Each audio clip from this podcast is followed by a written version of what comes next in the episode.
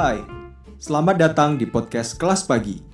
Sebelum masuk kelas, duduk yang rapi dan jangan lupa absen. Balik lagi bareng gue Lido.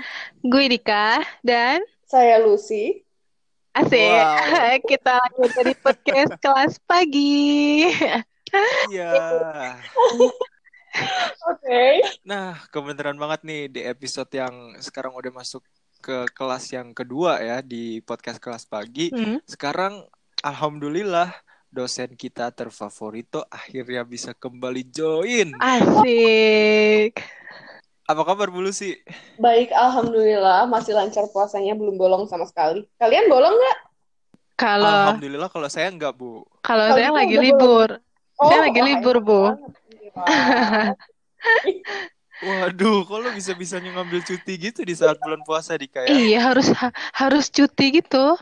Oke nih, ngomongin masalah-masalah puasa ya. Di kelas kedua podcast kelas pagi ini, kita juga mau ngucapin juga nih selamat menjalankan ibadah puasa lagi-lagi ya buat teman-teman yang sedang menjalankan. Semoga puasa teman-teman ini bisa lancar sampai berbuka nanti. Iya, di hari-hari puasanya juga harus tetap semangat nih kita. Ya nggak sih?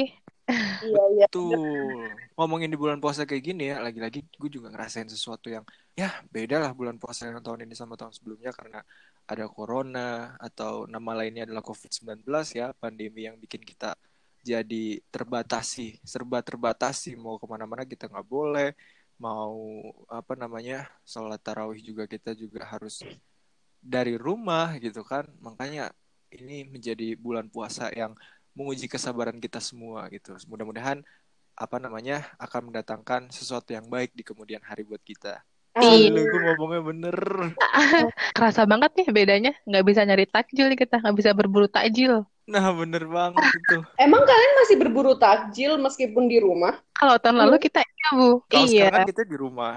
Nah ngomong-ngomong soal corona nih di kotanya Bulusi sama Dika sejauh ini kebijakan apa aja sih yang diterapin untuk menekan penyebaran COVID-19 ini? Kalau di tempat saya sih karena tempat tinggal saya tuh di ujung dunia ya. Di ujung dunia, bener-bener kayak nggak ada kasus positif sama sekali di deket-deket saya. Ada sih, cuman beda, Aha. udah beda kecamatan gitu kan. Eh, kalau Aha. tindakan preventifnya sih palingan ini loh kayak disemprot-semprot itu. Kalau kita lewat disemprot-semprotin kayak serangga itu. Terus Terus ini eh, kalau yang paling terakhir sih saya dengernya eh, udah nggak bisa mob- mobil-mobil pribadi kecuali yang kayak ekspedisi sama apa sih yang penting-penting itu mereka udah nggak bisa masuk ke daerah saya lagi udah disuruh puter balik. Padahal nggak ada Oh, ini sih gitu. nggak ada nggak ada pengumuman PSBB atau gimana tapi udah nggak boleh gitu aja. Nah kalau di rumahnya Dika gimana nih di Bali nih ada nggak nih PSBB nih? Kalau di sini PSBB sih belum. Tapi Aha. ya itu tetap eh, physical distancing aja. Tapi soal teman-teman teman-teman gue di sini juga beberapa masih ada yang kerja sih. Jadi kayak ya am- apa himbauannya masih cukup jaga jarak aja, Hmm. masker gitu, jaga apa tetap nerapin protokolnya gitu-gitu. Penerapan protokol kesehatan dari pemerintah ya. Mm-mm. Iya betul. Kalau di kota lu gimana, Duh? Kalau di kota gue kebetulan banget besok nih hari Rabu itu udah mulai penerapan PSBB-nya. Oke. Terus ngapain tuh? Nah Gitu. kemarin itu saya dapat ini bu apa namanya buklet semacam hal-hal apa aja yang perlu dilakuin dan yang nggak boleh dilakuin selama PSBB. Terus juga dikasih tahu juga rute-rute jalan kayak uh, penutupan akses di rute jalan mana gitu. Terus pintu tol juga pada ditutupin semua. Enam pintu tol Hmm. kayaknya udah nggak bisa dipakai sekarang. Oke. Itu kalau PSBB yang bakal diterapin di kota lo itu berapa lama? Oh kalau dari gue denger-denger sih 14 hari ya. Kayaknya 14 hari. Sampai lebaran dong. Kayaknya itu. iya deh bu. Oh my God. kayaknya iya deh. Makanya Wah. semoga ini bisa ah momen lebaran ini harusnya bisa buat kayak biasanya lagi nih karena lebaran nggak akan asik ya kalau nggak pernah datang ke tempat-tempat saudara gitu kan. Iya, iya benar-benar. Mau ngapain Beda lagi? banget. Iya. Mau makan, makan ini, makan ketupat di rumah doang, nggak keluar-keluar. Nah itu kan gak seru banget ya kan Bu. Jadi kita nggak bisa dapet angpau. Oh mungkin mungkin bagian ini lebih menyenangkan buat saya sih, karena saya kan eh, eh, saya udah nggak nggak nggak mendapatkan lagi tapi lebih ke ngasih ya. Tapi karena ini guysnya adalah saya nggak perlu ngasih-ngasih anak Oh, Berarti ini adalah momen yang membuat Bulu sih kayak alhamdulillah juga ya gitu ya. ada iya, untungnya juga nih gara-gara kalian ngomong kayak gitu saya baru sadar nih oh iya ya dari dari sisi yang ngasih itu sebuah keberuntungan. Ah, cuman dari kita-kita yang dapat kayaknya aduh berkurang juga ya Aduh. duit jajan lebaran kita gitu kan. Bener, Iya, penghasilan berkurang. Eh, saya juga jadi nggak harus ini nih biasanya kalau bulan-bulan segini kan sibuk nuker-nuker itu loh ke Nah, betul betul. sekarang udah nggak Bener-bener. nggak nggak usah lah emang mau siapa yang datang gitu ya udah Oh, mungkin karena sekarang kan udah uang apa namanya? uang penukaran kayak gitu kan udah nggak boleh nih Bu ya. Tapi Hmm. kan Ibu jangan lupa kalau emang di masa-masa kayak gini tuh apa namanya dompet-dompet digital kayak Betul. contoh Baru gue OVO, GoPay, Bilang Dana kan bermunculan tuh. Iya. lah ini saya berada di daerah dan kayaknya orang-orang di sekitar saya nggak ada yang tahu namanya OVO sama GoPay sih jadi ya udah Waduh. Waduh. Kok mereka tidak memanfaatkan situasi yang ada ya? iya nggak bisa Iya, manfaatkan juga ya Ya. udah lah tetap Waduh. tetap berkurang berarti. Iya, pokoknya kita berdoa aja lah supaya pandemi ini cepat berlalu karena kangen juga ya kalau misalnya ngomong-ngomong tentang kampus, tentang kuliah, udah satu bulan lebih lah kayaknya kita belajar. Iya, kangen banget nih. Padahal saya eh, maksudnya nggak nggak sebanyak kalian teman-temannya, tapi saya kangen ini sih kayak interaksi sama manusia lain, interaksi dengan mahasiswa, ngobrol secara langsung tatap muka itu kayak itu nggak bisa tergantikan sih meskipun udah ada kelas online, tapi nggak nggak bisa terganti sama sekali. Tetap saya lebih prefer kelas tatap muka sih sama kayak masuk kebanyakan. Iya bener, hampir dua bulan Bu kita online Bu. Iya, ya Allah, bosen banget itu. Kayak tiap hari natap kamera, natap Iya banget. natap laptop. Nah, itu dia. Lama-lama kayak stres juga ya, buka laptop, bangun tidur, puasa Hmm. lagi. Aduh, Iya. emang ini Dengerin suara doang, nggak bisa ngeliat wajah manusia lain. Ini tuh nggak kayak saya tuh sekarang jadi lebih karena kan nggak pernah pakai make up ya. Jarang eh, karena seringnya kelas saya presentasi, kita jarang nampilin eh, kamera, jadi jadi jarang nampilin muka. Saya jadi jarang pakai make up. Uang untuk make up saya jadi ini hemat banget nih, jarang jarang pakai ya Allah. Ternyata ada juga nih secara ekonomi. Ada positif Iya. negatifnya lah ya berarti ya. Mm-mm. Tetap tetap ada positif negatifnya berarti. Iya. Ngomong-ngomong soal kangen nih, bukan cuman mahasiswanya doang ternyata ya. Bu Lucy Hmm. juga kangen nih sebagai dosen kayak ke kehidupan kampus ya, Bu ya. Iya, iya, iya, benar-benar. Ibu boleh ceritain gak sih kalau selama ibu jadi dosen ini nemuin tingkah-tingkah aneh mahasiswa yang kayak gimana gitu yang bikin ibu Lucy kayak ini orang Masih. harusnya mahasiswa nggak kayak gini nih gitu. Pasti banyak nih sifat apa sifat-sifat aneh mahasiswa. Apalagi Bu Lucy dosen muda nih. Nah, Pasti itu banyak yang dia. lucu-lucu. Boleh dong Banyak diceritain banget, Bu. banyak banget, banyak banget. Tapi eh, eh, ada yang paling saya inget, saya nggak, saya nggak nemu ini sih, nggak nemu yang lain yang sememorable ini. Kayak Hah? ada satu mahasiswa yang katanya, Bu, saya pengen nanti, eh, ceritanya kan saya masih single ya. Nih, mahasiswa tuh bilang gini sama saya, Bu, saya udah niat banget pokoknya gimana caranya nanti saya ingin berperan pada perjodohan Bu Lucy dengan suaminya. Apa? Jadi ini mahasiswa serius dan aktif banget ngenalin saya sama banyak teman-temannya yang laki-laki itu kocak banget sih. Itu ya ampun, saya nggak pernah kepikiran kayak gitu sih waktu kuliah. Maksudnya, Oh, berarti berarti itu mahasiswanya sebagai mahasiswa dan mak comblang ya, Bu ya? Biro jodoh jatuhnya ya. Bener. nggak nggak sampai nggak ke itu kayak udah beberapa kali gitu loh dia ngenalin saya sama orang lain itu kocak banget sih saya kalau ingat. Nah, terus Bu Lucy Oke. ketika dikenalkan terus juga kayak Bu Lucy kayak di macombla apa namanya dijodohin gitu sama si Hmm. mahasiswa itu. Bu Lucy ngerasanya gimana? Em, agak canggung sih karena kan mahasiswa yang kenalin ya tapi ya udahlah karena niatnya baik ya udah sih mau gimana lagi itu aja cuman ya eh, selama ini belum ada yang berhasil sih jadi ya udahlah kasihan banget ya. Ternyata siapa pun di luar sana yang lagi dengerin ini mungkin ya yang mencoba menjodohkan Bulusi, kayaknya usaha lu kurang kenceng ya, sampai belum ada yang nyantol ke Bulusi. tapi tapi I appreciate uh, saya mengapresiasi usahanya terima kasih meskipun ya belum ada yang nyantol tapi ya udahlah Mungkin Bu Lucy bisa tuh ngasih karakter-karakter yang Bu Lucy cari tuh, Bu. ya ngapain mas di sini Jangan sampai podcast nggak, kita jadi biro jodoh Bulusi ya. no comment no comment nggak ada nggak ada Oh, nggak ada Bagus. nggak ada spesifik kriteria sama sekali dan ya udahlah Ayo kita balik lagi ke podcast ya, teman-teman ya. Jadi momen si mahasiswa yang ngejodohin Bulusi itu jadi kayak memorable banget dan Bulusi Itu memorable. gitu. memorable banget nggak bisa dilupain dan kejadian perjodohan itu nggak cuma sekali dua kali sih jadi itu itu itu itu itu bener-bener itu kalau kalian nanya eh, kelakuan mahasiswa yang bagaimana yang nggak bisa kamu pahami kelakuan yang seperti itu. Maksudnya kalau misalnya, eh, kalau misalnya mahasiswa kayak nanya-nanya masalah eh, kuliah atau dia kelakuannya sangat aneh di kelas nanya-nanya di kelas itu itu masih biasa aja sih menurut saya. Karena kan dalam koridor ya secara saya Iya. Tapi kalau udah perjodohan ini saya aduh Wow, berarti momen-momen yang seperti itu emang kita juga nggak pernah menduga-duga ya kalau Bulusi dapat momen kayak gitu, Dika. hmm itu Iya, kre- terlalu kreatif sih itu mahasiswanya. hmm, hmm, hmm, hmm. Bu, selain itu nih Bu, kalau misalnya Bu Lucy di kelas eh, sebagai dosen kan Bu Lucy pernah ngalamin fase-fasenya ya nakal-nakal dikit lah sebagai mahasiswa. Kayak contoh Iya, boleh ketiduran di kelas atau gimana. Nah, sekarang Bu Lucy Aduh. posisinya sebagai dosen ngelihat mahasiswa yang dulunya adalah itu posisi Bu Lucy gimana tuh, Bu? Eh, kalau dibilang nakal tuh gimana ya? Tapi eh, eh, saya mengalamin kok karena waktu saya S1 dulu saya bukan mahasiswa yang akademis banget. Cuman Aha. gini apa? eh, saya tuh nakalnya lebih ke karena saya tuh orangnya suka melakukan sesuatu yang aneh-aneh ya.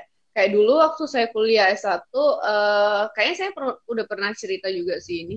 Eh, saya suka sama boyband Super Junior. Jadi eh, Oke. Oke. pada saat itu pada saat itu Super Junior lagi rilis album jam 4 sore dan jam 4 sore itu saya ada kuliah saya bolos kuliah demi rilis albumnya Super Junior se itu sih Oke. itu sih kalau kalau dibilang nakal ya gimana tapi kenyataannya saya bolos kuliah hanya untuk itu jadi ya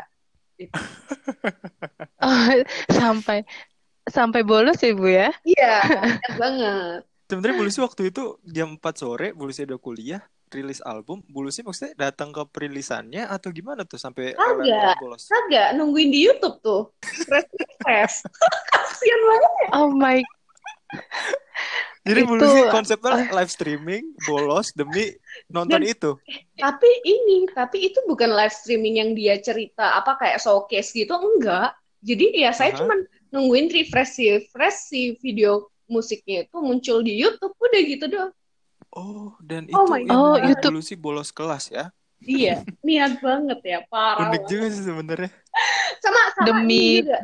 Ini juga saya dulu pernah nih, eh, tapi ini jangan dicontoh ya. Saya bener-bener kalau ini kejadian sama kelas saya, saya biasanya akan marahin atau saya akan batalkan kelas itu. Jadi Oke. waktu itu masih semester 1, saya ingat banget mata kuliah filsafat ilmu. Waktunya saya presentasi, waktunya kelompok saya presentasi, saya ngajakin teman-teman satu kelompok saya untuk nggak masuk kuliah. Karena Bu, Astaga, kenapa itu? Nggak tahu kayak, aduh nggak mau masuk, aku nggak ngerti materinya apa kan filsafat ilmu ya itu kan kayak jauh banget kayak saya nggak pernah belajar filsafat. Kemudian eh, kebetulan dosennya waktu killer juga ya udah sih. Terus dimarahin.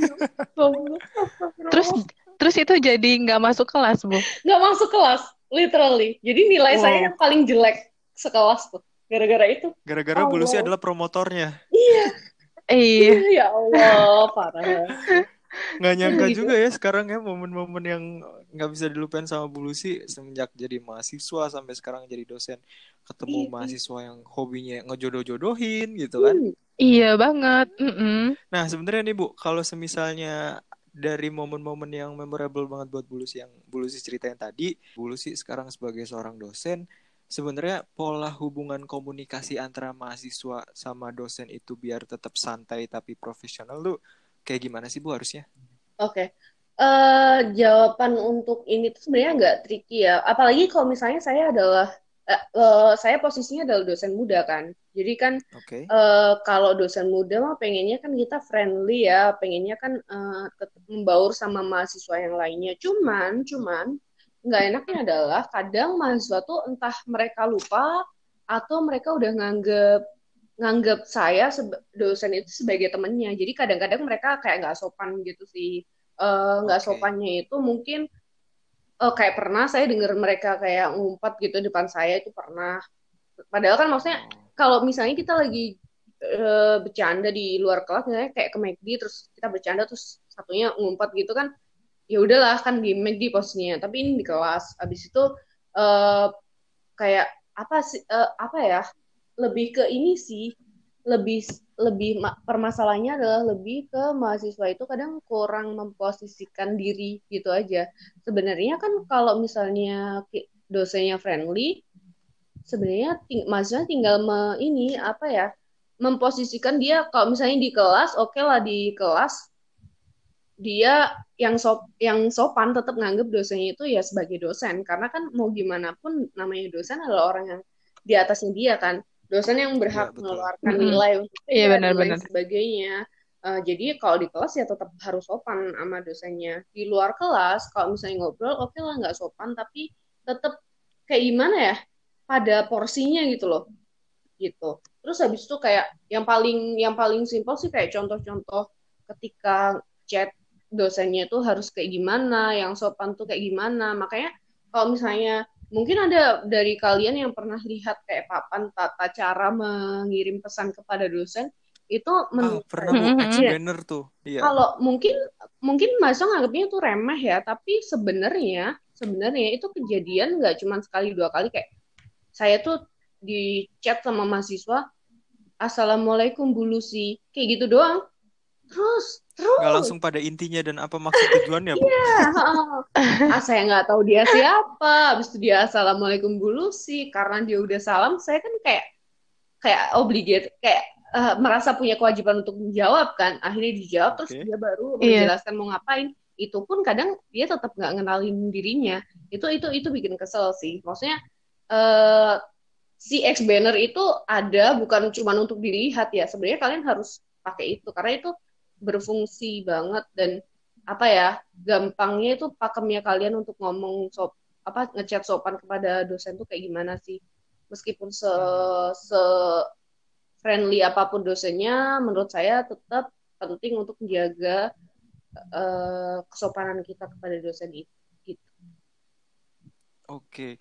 Nah, Bu, ngomongin soal masalah chatting dengan dosen dan awal mula percakapan di misalnya di WhatsApp atau segala macam sebenarnya bukan cuman Bulusi aja di kayak yang mengalami hal-hal Iya. yang kurang mengenakan kayak gitu bahkan juga kita sering banget dengar dosen-dosen lain yang bilang tolong kalian harus menjaga etika kalian ketika kalian membalas dosen atau walaupun dosennya Hmm. cuek tapi kita juga nggak boleh uh, berkata oh oalah kayak misalnya setidaknya Iya. mengungkapkan dalam bentuk kekecewaan itu sebenarnya nggak boleh gitu dan Bu Lucy juga ngerasain seperti itu Iya, iya, iya, benar banget. Itu itu eh, saya nggak pernah secara langsung mention ini di kelas sih sama sekali karena menurut saya saya tuh selalu mikirnya kalian tuh udah gede, saya ngapain ngomong kayak gini, kayak ngajarin manner, basic manner kayak gitu doang kepada Iya, betul. mahasiswa. Tapi ternyata, tapi Hmm. ternyata memang ke- yang kayak gitu tuh kejadian banget dan dan kayak se saya tuh kadang ya kesel juga, tapi mau gimana kayak gitu sih. Jadi emang penting banget itu tetap jaga sopan santun walaupun udah sedekat apa pun mahasiswa sama dosennya ya Bu ya. So pasti harusnya. Iya, iya, itu penting banget gitu. Jadi buat siapa pun nih mahasiswa di luar sana yang ngerasa pernah diajar sama Bu Lucy atau sekarang lagi di kelasnya Bu Lucy, menempuh kelas Bu Lucy atau Hmm. siapa pun nih buat orang-orang di luar sana yang punya apa namanya lagi mau berkomunikasi dengan dosen, alangkah baiknya ikutilah tips yang tadi disampaikan sama Bu Lucy. Karena kan kita dengarnya langsung nih curahan hati seorang dosen kepada mahasiswa-mahasiswa yang apa sih gitu kan? Iya. Nah, karena nggak mungkin nggak mungkin ini tuh dibahas di kelas gitu kan. Jadi bisa banget dipraktekin buat mahasiswa-mahasiswa semuanya ya Nah, Bu Iya, ya. jadi benar. buat kalian yang suka Assalamualaikum Bu Lucy, nih hati-hati. Nah. Berarti kalian adalah tersangkanya. Iya iya iya iya bener bener bener. Jadi eh, karena saya nggak nggak akan mungkin kayak bahas-bahas kayak gini di kelas gitu loh. Itu ya kalian harusnya pelajari sendiri lah kayak misalnya di kelas itu kalian rame, saya nggak akan suruh kalian diem. Saya nggak akan nggak betul. akan, Iya nggak sih, akan nyuruh bener. mahasiswa untuk diem kemudian saya ngomong gitu nggak. Saya mungkin akan lebih milih diem melakukan apa yang yang bisa saya lakukan sampai semuanya pada sadar baru saya mau ngomong. Karena ya mau ngapain itu kayak guru nggak sih kita ngasih tahu kalian tenang kalian ini kalian saya nggak mau kayak gitu sih menurut saya eh, mahasiswa itu harusnya udah bisa mikir mereka udah dewasa mereka tak harusnya udah tahu mana yang baik dan mana yang sopan untuk dilakukan itu sih. Jadi hati-hati ya buat kita-kita nih yang sekarang statusnya lagi menjadi seorang mahasiswa, boleh lah kalau misalnya dosennya juga santai, juga maksudnya enak diajak ngobrol, tapi juga kita harus tetap menjaga etika dan norma-norma kesopanan kita ya. Ya karena kata Bu Lucy tadi, Iya, mau gimana pun juga dosen adalah dosen. Dan karena memang Benar. dosen itu orang yang paling berjasa menyalurkan ilmu kepada Hmm. kita, berarti kita juga harus menunjukkan setidaknya rasa hormat gitu loh. Jangan sampai mele- melewati Iya. batas-batas yang seharusnya. Nah, apalagi kan sekarang ini lagi eh, zamannya kuliah online, everything by chat ya. Pas Nah. berarti harus chatnya dibenerin nih sekarang nih. Harus bener. bener bener banget Ah, karena kelas online ini kan eh, semuanya jadi apa ya komunikasi dengan dosen tuh udah nggak ada tatap muka lagi kan udah Betul. Iya, heeh. nggak ada ceritanya mahasiswa misalnya pengen bimbingan PKM mereka datang ke ruang dosen atau ke mana gitulah ketemu sama saya kayak gitu sekarang Lido Oh, kenapa ketawa? Bu.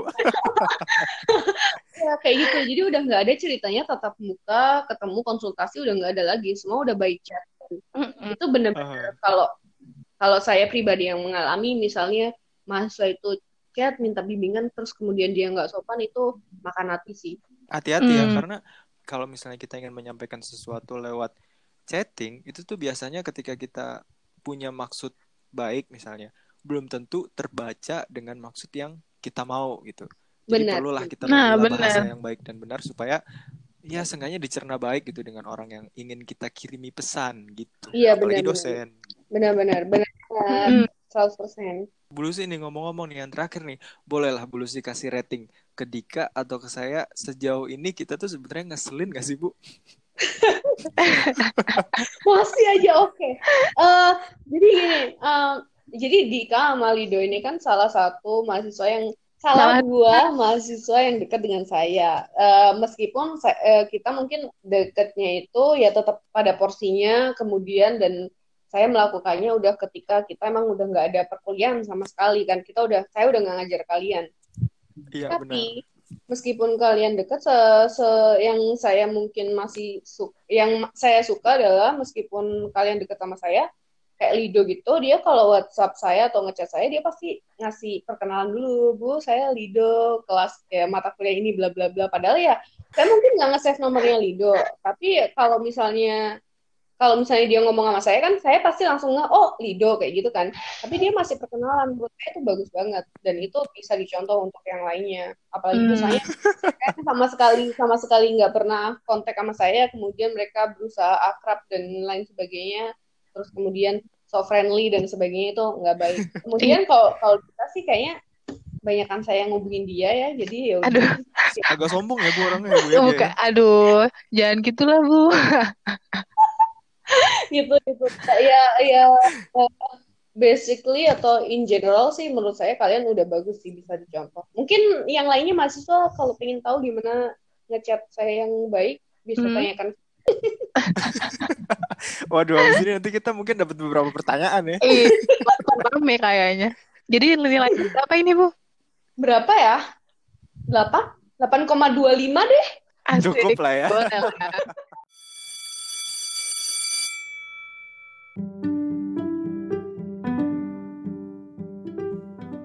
Terima kasih telah mendengarkan. Kelas kami akhiri. Sampai jumpa di pertemuan berikutnya.